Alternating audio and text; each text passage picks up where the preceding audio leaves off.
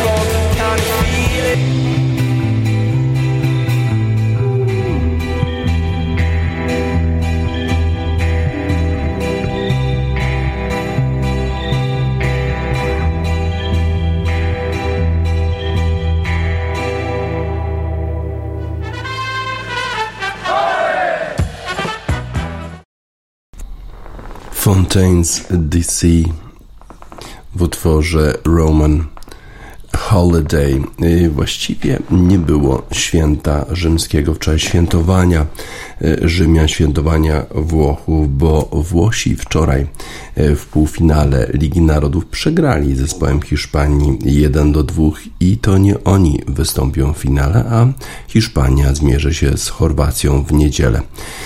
Y, Jeremi Pino strzelił bramkę w trzeciej minucie z rzutu karnego po błędzie Donarumy, y, a potem Ciro Immobile wykorzystał rzut karny w 11 minucie dla Włochów i było 1 do 1, a zwycięstwo przyszło na dwie minuty przed końcem spotkania. Joselu y, strzelił bramkę dla Hiszpanii 2 do 1.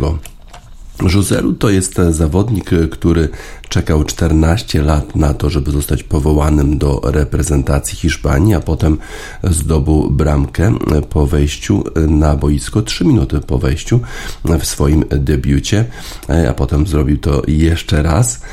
To jest jego drugi mecz, to był jego drugi mecz, w którym wchodził z ławki rezerwowych dla zespołu Hiszpanii.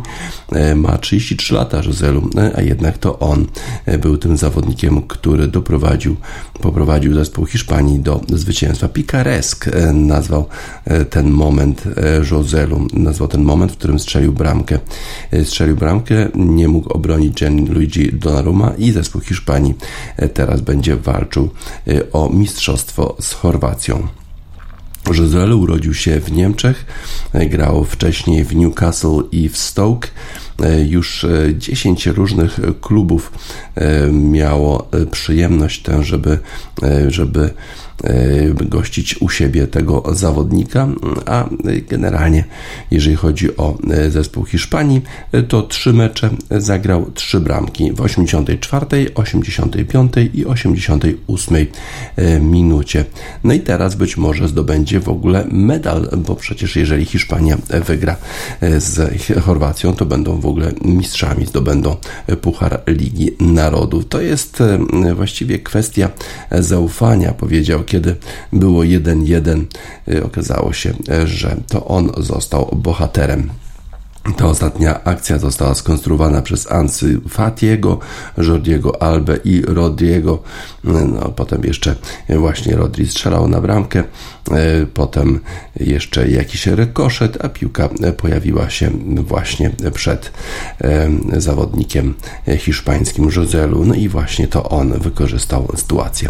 A wcześniej Hiszpania mogła przegrywać, bo e, po godzinie właściwie bramka padła dla zespołu, zespołu włoskiego, ale zainterweniował VAR i dzięki temu Włosi albo nie mogli się cieszyć bez prowadzenia. Pierwszą bramkę zdobyli w trzeciej minucie Hiszpa Hiszpanie i Włosi szybko y, odpowiedzieli. Chociaż ta bramka była bardzo taka dziwna dla zespołu hiszpańskiego. Znowu Donnarumma, Leonardo Bonucci. E, to jest e, ta sytuacja, kiedy e, nieporozumienia pomiędzy obrońcą a bramkarzem prowadzą do takiej sytuacji, w której Hiszpania zdobywa rzut karny. Roberto Mancini bardzo niezadowolony, że znowu do takiej sytuacji dochodzi. No, było 1-0, ale Włosi szybko odpowiedzieli w 11 minucie. Strzelił bramkę e, Ciro. Immobile było 1 do 1, potem jak już wspominałem e, właściwie wydawało się, że wyszli na prowadzenie. 2 do 1 po godzinie gry, ale e, VAR zainterweniował i stwierdził, że tej bramki jednak nie było. Tak więc zespół hiszpański będzie grał w finale a Włosi e, będą musieli się zadowolić meczem o e, trzecie miejsce z gospodarzami, z zespołem e, Holandii, chociaż nie jesteśmy pewni, czy w ogóle do tego meczu dojdzie. Que viva España dla Hiszpanii.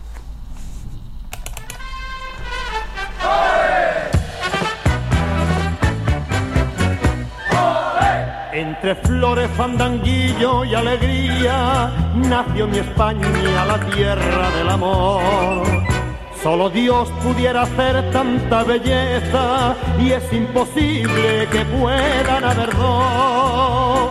Y todo el mundo sabe que es verdad y lloran cuando tienen que marchar. Por eso se oye este refrán que viva España y siempre la recordará que viva España. La gente canta con ardor que viva España. La vida tiene otro sabor y España es la mejor. En las tardes soleadas de corrida, la gente aclama al diestro con fervor. Y él saluda paseando a su cuadrilla con esa gracia de hidalgo español. La plaza con su sol vibra ya y empieza nuestra fiesta nacional. Por eso se oye este refrán que y siempre la recordará.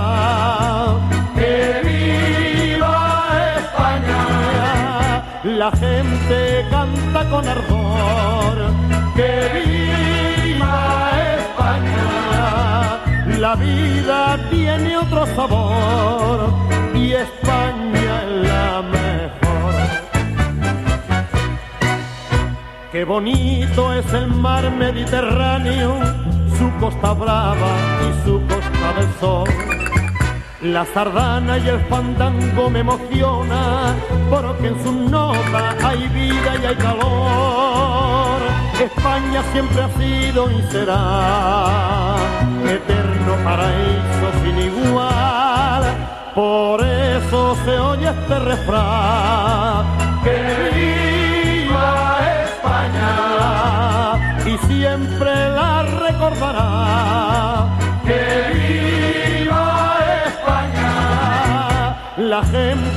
Canta con ardor. Que viva España. La vida tiene otro sabor y España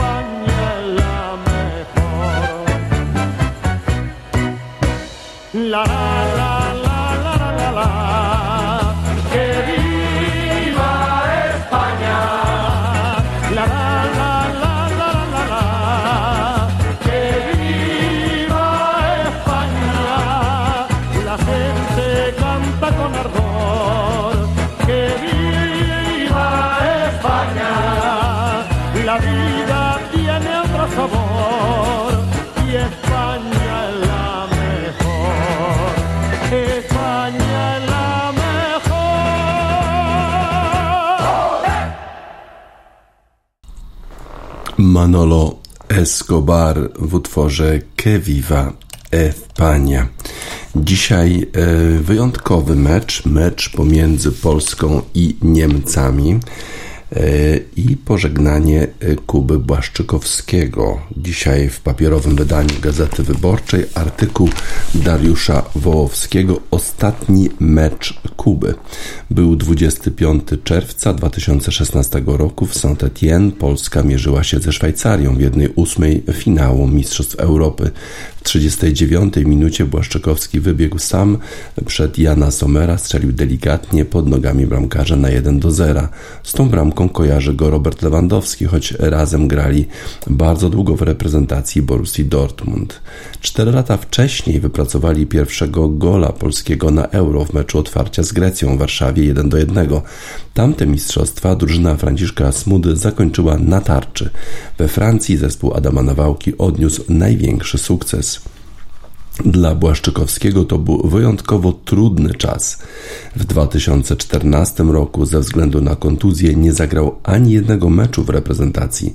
9 grudnia Nawałka odebrał mu opaskę kapitana, żeby na stałe dać ją Lewandowskiemu. To była skrajnie trudna decyzja, ale taką podjąć musiałem. Dla dobra drużyny, wspomina Nawałka w rozmowie z wyborczą. Jeździłem kilka razy do Dortmundu, żeby wytłumaczyć ją Kubie, spojrzeć mu w oczy. Naturalnie on widział to wszystko inaczej. Chciałem jednak, żeby zrozumiał, że wciąż uważam go za jednego z liderów drużyny, a nie kogoś, kto zrobił swoje i może odejść, mówi. Nawałka przyznaje, że słowa w takiej sytuacji nie wystarczą. Odebranie opaski zrekompensował Błaszczykowskiemu w najważniejszym momencie dla nich obu. W sierpniu 2015 roku Borussia oddała Błaszczykowskiego do Fiorentiny. Kilka tygodni wcześniej Jurgena Kloppa zastąpił Thomas Tuchel.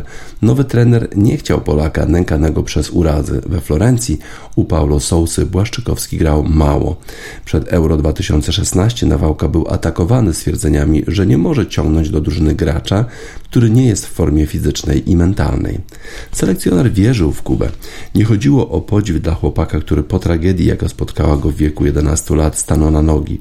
O dramacie rodzinnym Kuby wszyscy wiedzieliśmy, e, ale się o tym nie mówiło. Szanowałem Błaszczykowskiego za to, jakim jest człowiekiem, czego dokonał na boisku i poza nim. Jednak jako selekcjoner potrzebowałem piłkarza, który uczyni drużynę lepszą, opowiada Nawałka. Kuba taki był, choć przed mistrzostwami we Francji wszyscy wykonaliśmy masę pracy by doprowadzić go do odpowiedniego stanu. Do Florencji jeździł Nawałka i trener przygotowania fizycznego kadry Remigiusz Rzepka.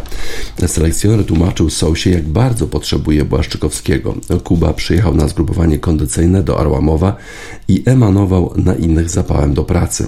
Nie wyglądał na piłkarza, który jest na zakręcie, wspomina Nawałka. Tego ta drużyna potrzebowała. W klasę Kuby nikt nie śmiał wątpić. Baliśmy się o jego zdrowie i formę. Od pierwszego treningu widzieliśmy jednak chłopaka gotowego ciągnąć za sobą resztę. Zarażał optymizmem, dodaje. W meczu otwarcia z Irlandią Północną Błaszczykowski asystował przy zwycięskim golu Arkadiusza Milika. W bezbramkowym starciu z Niemcami barował w defensywie.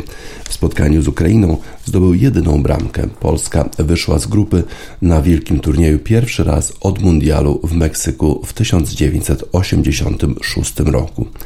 Aż przeszedł mecz ze Szwajcarią. Na gola Kuby odpowiedział Sherdan Shakiri. W serii rzutów karnych Błaszczykowski strzelał jako czwarty. Uderzył mocno w prawy róg. Somer piłki nie sięgnął. Kolejny strzał Grzegorza Krychowiaka dał Polakom awans do ćwierćfinału. W starciu z Portugalią 1 do 1 Błaszczykowski nie wykorzystał jedenastki, strzelając niemal w ten sam sposób jak w Saint-Étienne. Rui Patricio sięgnął jednak piłki i tak w ciągu zaledwie pięciu dni Kuba strzelił swojego najważniejszego gola dla kadry i zaliczył najbardziej pamiętne pudło. W Polsce powitano go jednak jak bohatera. Został uznany za najlepszego polskiego gracza tego turnieju. Nie wiem, czy był najlepszy, ale grał świetnie, tak jak chcieliśmy.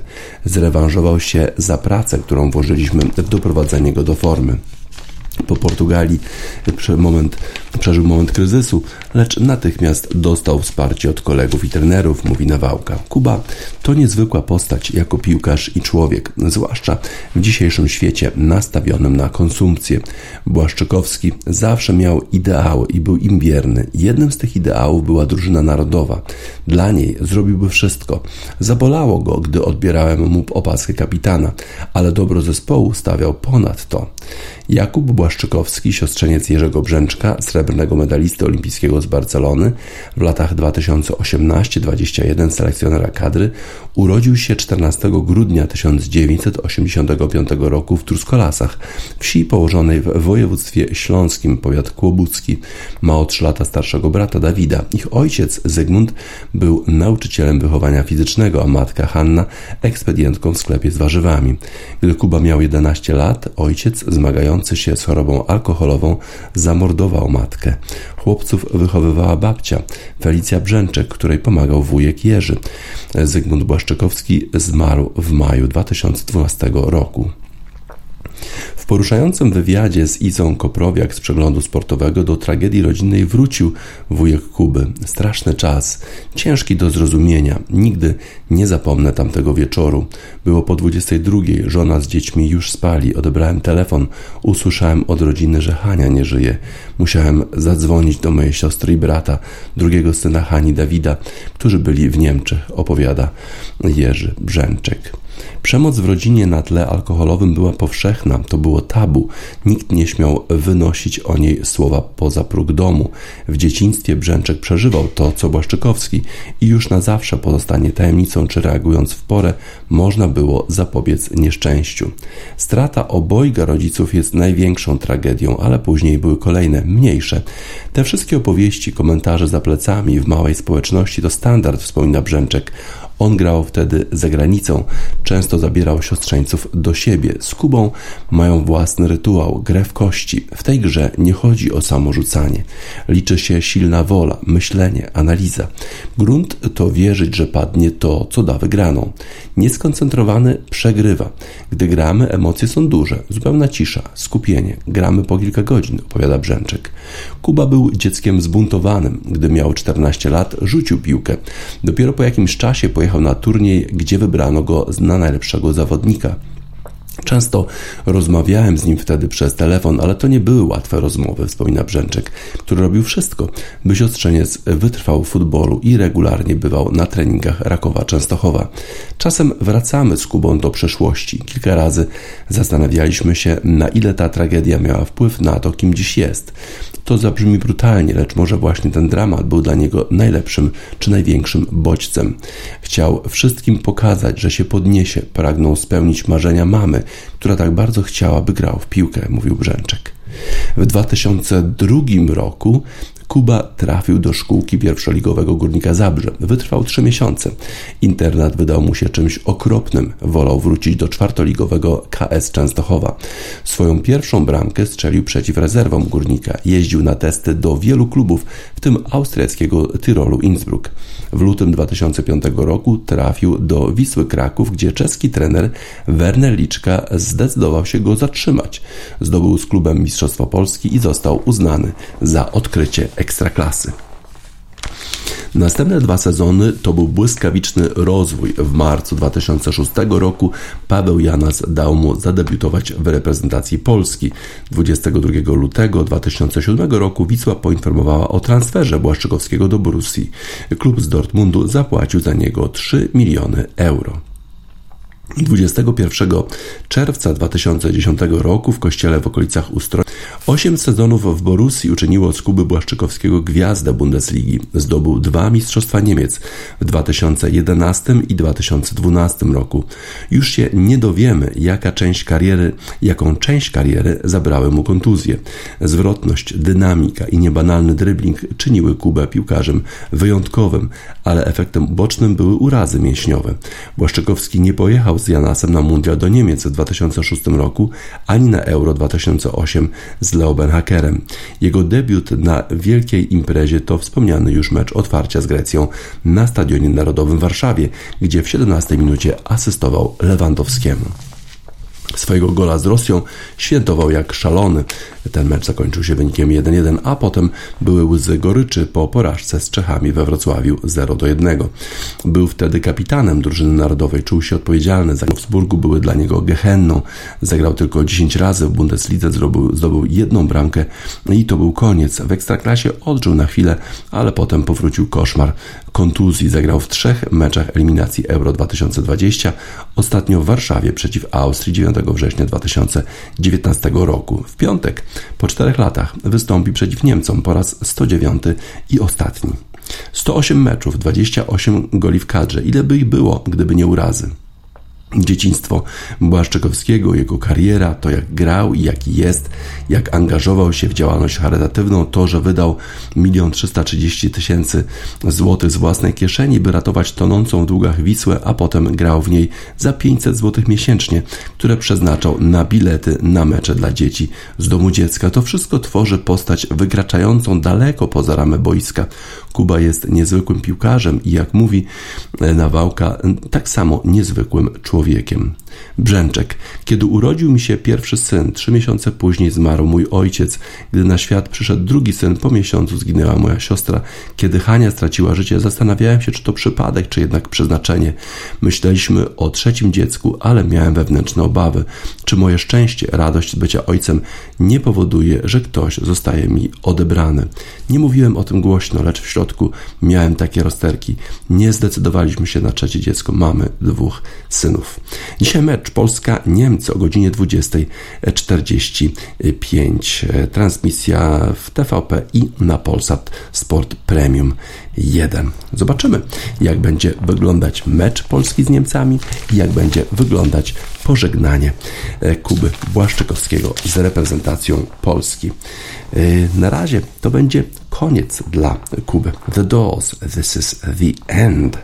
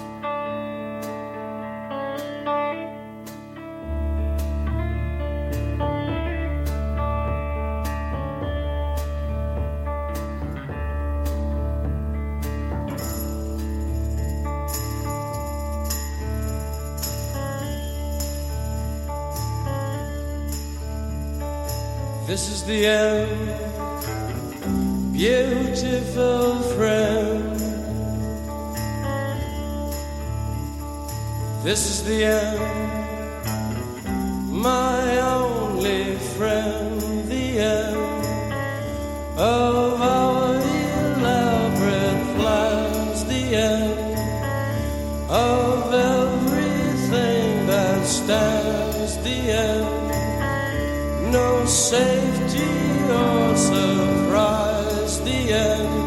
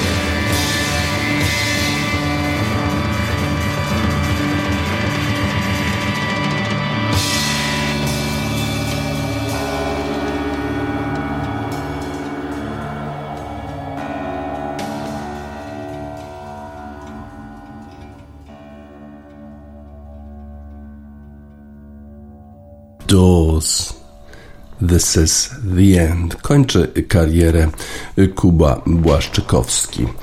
A w ten weekend czeka nas Canadian Grand Prix w Formule 1 i przed tymi zawodami wypowiadał się Lewis Hamilton pytany, czy Max Verstappen będzie w stanie go dogonić, jeżeli chodzi o jego rekordowe 103 zwycięstwa w Formule 1. Powiedział tak, jest to możliwe. Rekordy są po to, e, żeby je e, bić. No więc e, taka możliwość istnieje. Lewis Hamilton uważa, że to jest możliwe. Verstappen jest bardzo młody, ma bardzo dobry samochód, świetnie jeździ, ale mówi też o tym Lewis Hamilton, że ma nadzieję, że on i jego zespół Mercedes przeszkodzą Maxowi Verstappenowi w osiąganiu tych zwycięstw.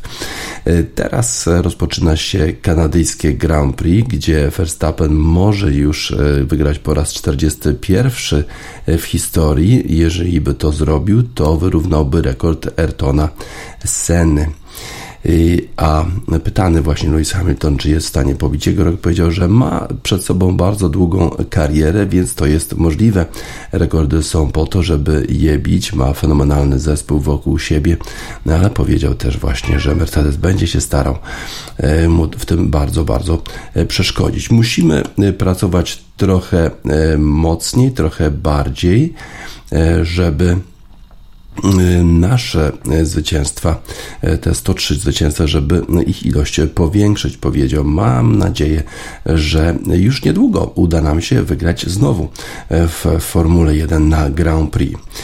Po bardzo dobrym rezultacie w Hiszpanii, kiedy to zespół Mercedesa zajął miejsce drugie i trzecie, Hamilton uważa, że jeżeli zostaną wprowadzone kolejne poprawki, kolejne, kolejne zmiany w samochodzie Mercedesa, to być może torze 9 lipca na torze w Silverstone, na domowym torze e, Louisa Hamiltona będą w stanie na przykład wygrać. Ani każde, każde okrążenie byliśmy tylko 30 sekundy za Maxem Verstappenem. To jest najbliższa odległość, jaką mieliśmy przez cały rok. Jeżeli wprowadzimy kolejne poprawki, to być może będziemy mogli rywalizować na każdym okrążeniu e, z Red Bullem.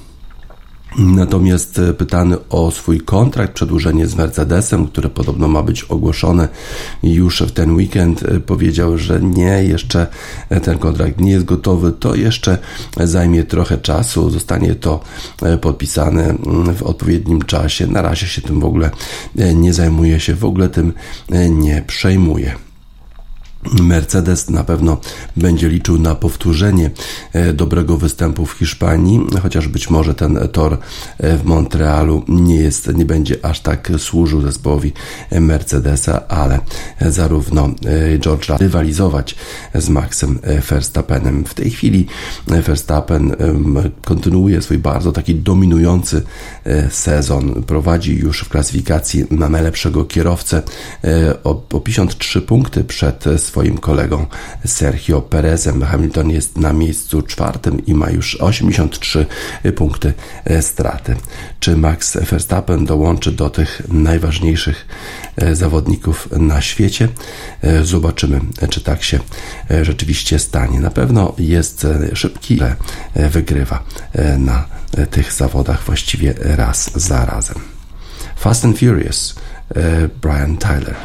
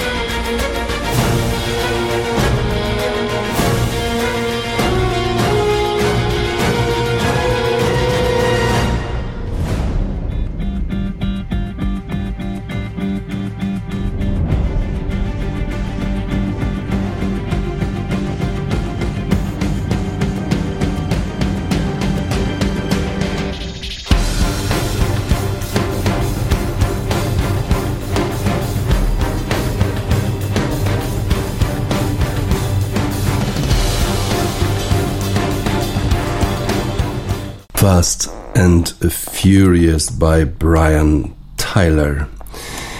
I już rozpoczął się. Rozpoczął się wielki turniej, wielki turniej wielkoszlemowy na polu golfowym Los Angeles Country Club. Niesamowita e, sprawa na polu golfowym, na którym nie rozgrywano tych e, mistrzostw od 1940 roku. W ogóle żadnych profesjonalnych zawodów nie rozgrywano w tym miejscu, a jednak już wczoraj rozpoczęły się te zawody i jak się rozpoczęły? Niesamowita forma, w szczególności dwóch zawodników Rickiego Fowlera i Zandera Schofley. Obydwaj udało im się zagrać 62 uderzenia. To jest najlepszy wynik w ogóle w historii US Open. A US Open słynie z tego, że przygotowuje pola golfowe bardzo, bardzo trudne i tam bardzo trudno jest osiągnąć dobry rezultat. W zasadzie często też bywa tak, że zwycięzca tego turnieju ma rezultat powyżej para, a tutaj nie tylko Ricky Fowler, ale też Zand Aleksander obydwom udało się uzyskać 62 uderzenia, najniższy wynik w US Open i najniższy wynik w ogóle w historii turniejów wielkoszlemowych. Raz tylko jeszcze Brandon Grace w 2017 roku na turnieju The Open Open uzyskał 62 uderzenia. Nie udało się to zrobić Jackowi Niklasowi, nie udało się to zrobić e, Tigerowi Woodsowi, ani Arnoldowi Palmerowi, ani Benowi Hoganowi, ani Sam Snead. Nawet Sevi Ballesteros nie uzyskał takiego dobrego rezultatu. A tutaj proszę bardzo, wrócił golf do Hollywoodu. Co prawda ten klub golfowy nie przyjmuje żadnych celebrytów, żadnych aktorów. Oni mogą budować swoje posiadłości, czy też kupować te osiadłości, posiadłości, które e, mają widok na pole golfowe, ale ma taką politykę ten klub, że po prostu celebrytów nie zaprasza, bo to za dużo jest zamieszania. A jednak okazało się, że to pole golfowe to jednak tak jak gdyby Lala Land, bo zawodnicy grają po prostu fenomenalnie. Ricky Fowler zakończył swoją rundę na 60, 62 uderzeniach i już świętował, że po prostu e, on przejdzie do historii, no a potem e, trochę e, trzeba było mu współczuć, bo okazało się, że Zander Schofle dołączył do niego. No i w tej chwili ten, ten duet prowadzi na 123 US Open. E, Fowler e, i Schoffle przejdą e, do historii i te, to świętowanie było czymś takim, czego pewnie nikt nie widział w okolicy tego pola golfowego od czasu, gdy tę tą posiadłość sprzedał czy zakończył w niej funkcjonowanie szef Playboya, na, które to, to jest ta, ta posiadłość, która jest obok 14 T. To oczywiście nie jest to, czego się spodziewasz na US Open, powiedział Zander Schofley, no ale okazało się, że jest to możliwe. Widziałem, że zrobił to Ricky Fowler, widziałem to na tablicy wyników, no i chciałem po prostu zrobić e, to samo, powiedział Zander Schofley, ale e, potem trochę e, jak gdyby studził emocje, bo mówił, że to jest dopiero czwartek. To jest oczywiście dobry start, ale to jest dopiero początek turnieju. Jest na miejscu szóstym na świecie, sklasyfikowany na miejscu szóstym. No i jego występ, jego 62 uderzenia to nie jest jakaś wielka niespodzianka. Natomiast Ricky Fowler, no to dopiero jest sensacja, bo przecież to jest zawodnik, który w dwóch poprzednich latach w ogóle nie zakwalifikował się na US Open. Spadł w rankingu światowym na 185 miejsce, a przecież wcześniej wygrywał wiele turniejów, może niewielko wielkoszlemowych, ale na przykład wygrał The Players Championship w 2014 roku w turniejach wielkoszlemowych zajął miejsce nie gorsze niż piąte w każdym z nich. Fowler teraz pracuje znowu ze swoim e, dawnym trenerem Butchem Harmonem. E, okazało się, że ta przerwa w ich współpracy była bardzo kosztowna e, dla Ricka Fowlera. Teraz odkrywa na nowo swoją formę. To była długa historia, długo to trwało, powiedział Fowler, i długa i trudna historia. Rzeczywiście byłem długo w takiej sytuacji, gdzie nie byłem w stanie funkcjonować na tym najwyższym poziomie poziomie, więc teraz y, tym bardziej jestem szczęśliwy, że wróciłem na ten najwyższy poziom światowego golfa. Y, być może wracamy do takiej formy, gdzie kiedy byłem w, w 2014 i 2015 roku, kiedy grałem bardzo, bardzo równo y, na wszystkich turniejach wielkoszlemowych, teraz wydaje się, że jestem w podobnej formie. Jeżeli chodzi o rundę Ergiego Fowlera, to miał w niej 10 birdie, a Schoffle zanotował 8 birdie.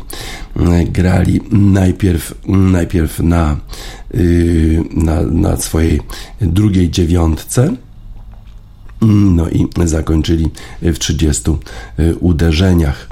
Y, jeżeli chodzi o y, następną rundę, to oczywiście jest to mm, bardzo y, istotne, żeby nie świętować jeszcze, bo to jest turniej, turniej czterodniowy, no i kilku zawodników za nimi już się czai, bo na przykład taki Dustin Johnson, który wygrał w 2016 roku, za każdym razem trafił fairway i zagrał 64 uderzenia. Niesamowita forma Dustina Johnsona Rory McElroy najpierw zagrał 30 na swojej e, dziewiątce, e, potem jednak miał e, problemy, ale zakończył, zakończył na 65 uderzeniach. To na pewno jest też świetny początek dla McElroya, który generalnie turnieje wielkoszlemowe zaczyna słabiej. Scotty Scheffler, który w tym roku ma problemy z patowaniem, znów odnalazł swój rytm i zakończył dzień na 67 uderzeniach. Bryson DeChambeau, rebeliant w turze golfowym Live również osiągnął podobny rezultat. Bardzo dobrze uderzałem piłkę e, cały dzień, więc e, generalnie jestem w dobrej formie. Chciałbym e, powtórzyć ten sukces 2018 roku, kiedy wygrałem US Open. Y, trzeba oczywiście być wyjątkowym, żeby wygrać na US Open. Zobaczymy, czy mi się to uda. Wiktor Hovland i John Ram zakończyli y, swoją pierwszą rundę na 69 y, uderzeniach. Hovland w drugie uderzenie na drugim na drugim dołku, który ma 485 yardów, czyli 440 metrów, trafił bezpośrednio do dołka. Sergio Garcia w tej chwili jest na even par. Natomiast e, byli zawodnicy, którym, e, którym nie wiodło się wczoraj. Tyrell Hatton, który e, już jest cztery powyżej par. Justin Rose, który świetnie grał na Canadian Open i generalnie gra dobrze na US Open. Aż sześć uderzeń stracił w stosunku do par. Tommy Fleetwood już stracił dwa uderzenia na ostatnich dwóch dołkach i zagrał 73 uderzenia. Adam Scott i Jason Day również mieli podobne, podobny wynik. Natomiast bardzo nas interesowało oczywiście, jak spisze się nasz zawodnik, czyli Adrian Merong. E, dobra wiadomość jest taka, że na razie jest na even par, zajmuje miejsce 38, czyli ma podobny wynik jak Sergio e, Garcia. E, przypomnę też, że możemy oglądać rywalizację golfistów na US Open bezpośrednio na stronie usopen.com. Tam można oglądać zarówno grupy zawodników, takich właśnie jak McIlroy, takich jak Scotty Scheffler, ale też można oglądać wszystkich zawodników przechodzących przez dołki 6, 14 i 15 i w ten sposób na przykład można y, obserwować, y, jak gra nasz Adrian Merong. Wczoraj na szóstym dołku posłał piłkę bardzo w lewo, ale uratował jeszcze y, para. To jest taki dołek, który, jest, który można atakować bezpośrednio z green, mimo że to jest par 4. No i trochę nie wyszło, nie wyszło to pierwsze uderzenie Adrianowi. Oczywiście problemem może być czas, bo ten czas jest 9 godzin różnicy pomiędzy Los Angeles a Warszawą i właśnie wtedy Wczoraj Adrian Merong rozpoczął dopiero swoją rundę po 22. Y, dzisiaj będzie grał wcześniej, więc można obserwować naszego zawodnika na usopen.com wcześniej, na przykład wybierając dołki 6, 14, 15 i patrząc jak sobie radzi na tych dołkach nasz jedynak na, y, na tym największym turnieju golfowym na świecie US Open. Niesamowity spektakl, tak jak w utworze Pink Floyd The Great Gig in the Sky.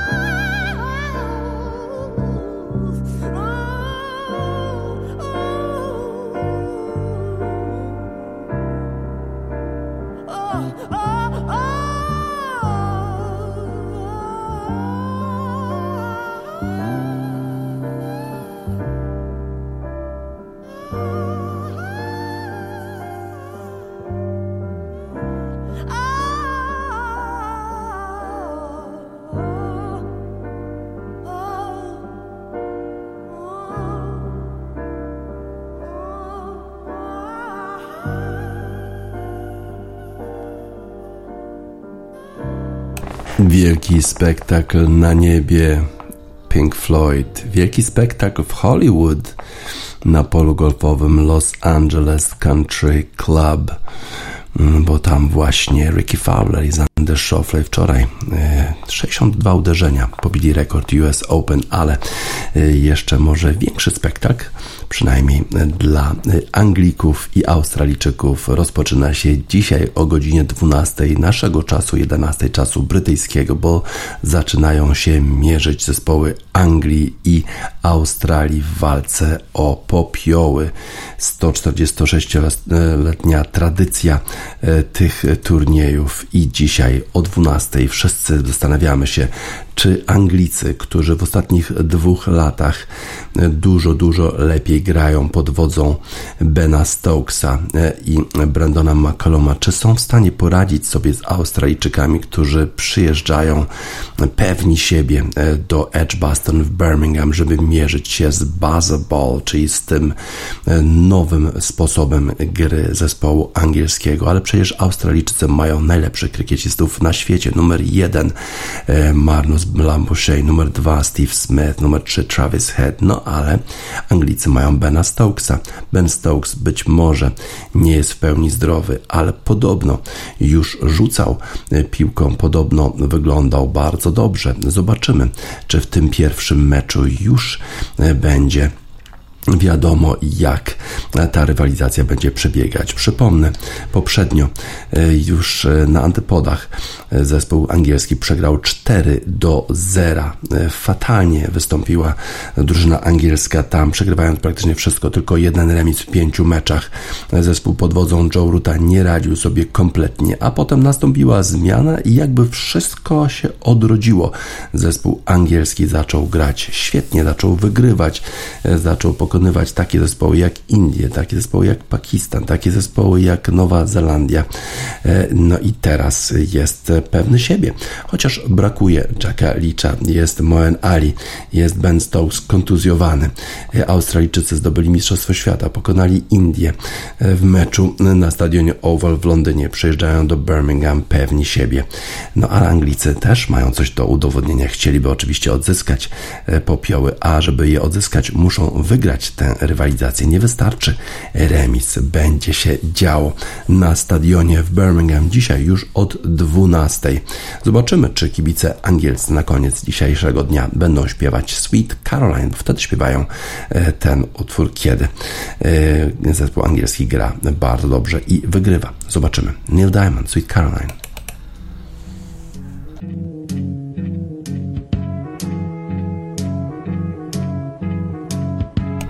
Neil Diamond i Sweet Caroline na zakończenie wiadomości sportowych w Radiosport na radiosport.online 16 czerwca 2023 roku. DJ Spaca żegna z Państwa i życzy miłego weekendu. But then I know it's growing strong. Wasn't the spring and spring became the summer Who'd have believed you'd come along? Hand, touching hands, reaching out, touching me, touching you.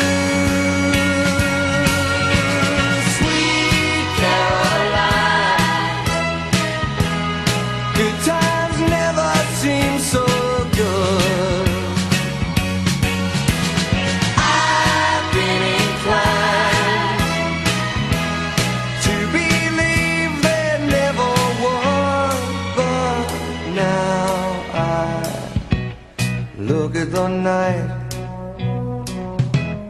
And it don't seem so lonely. We fill it up with only two. And when I hurt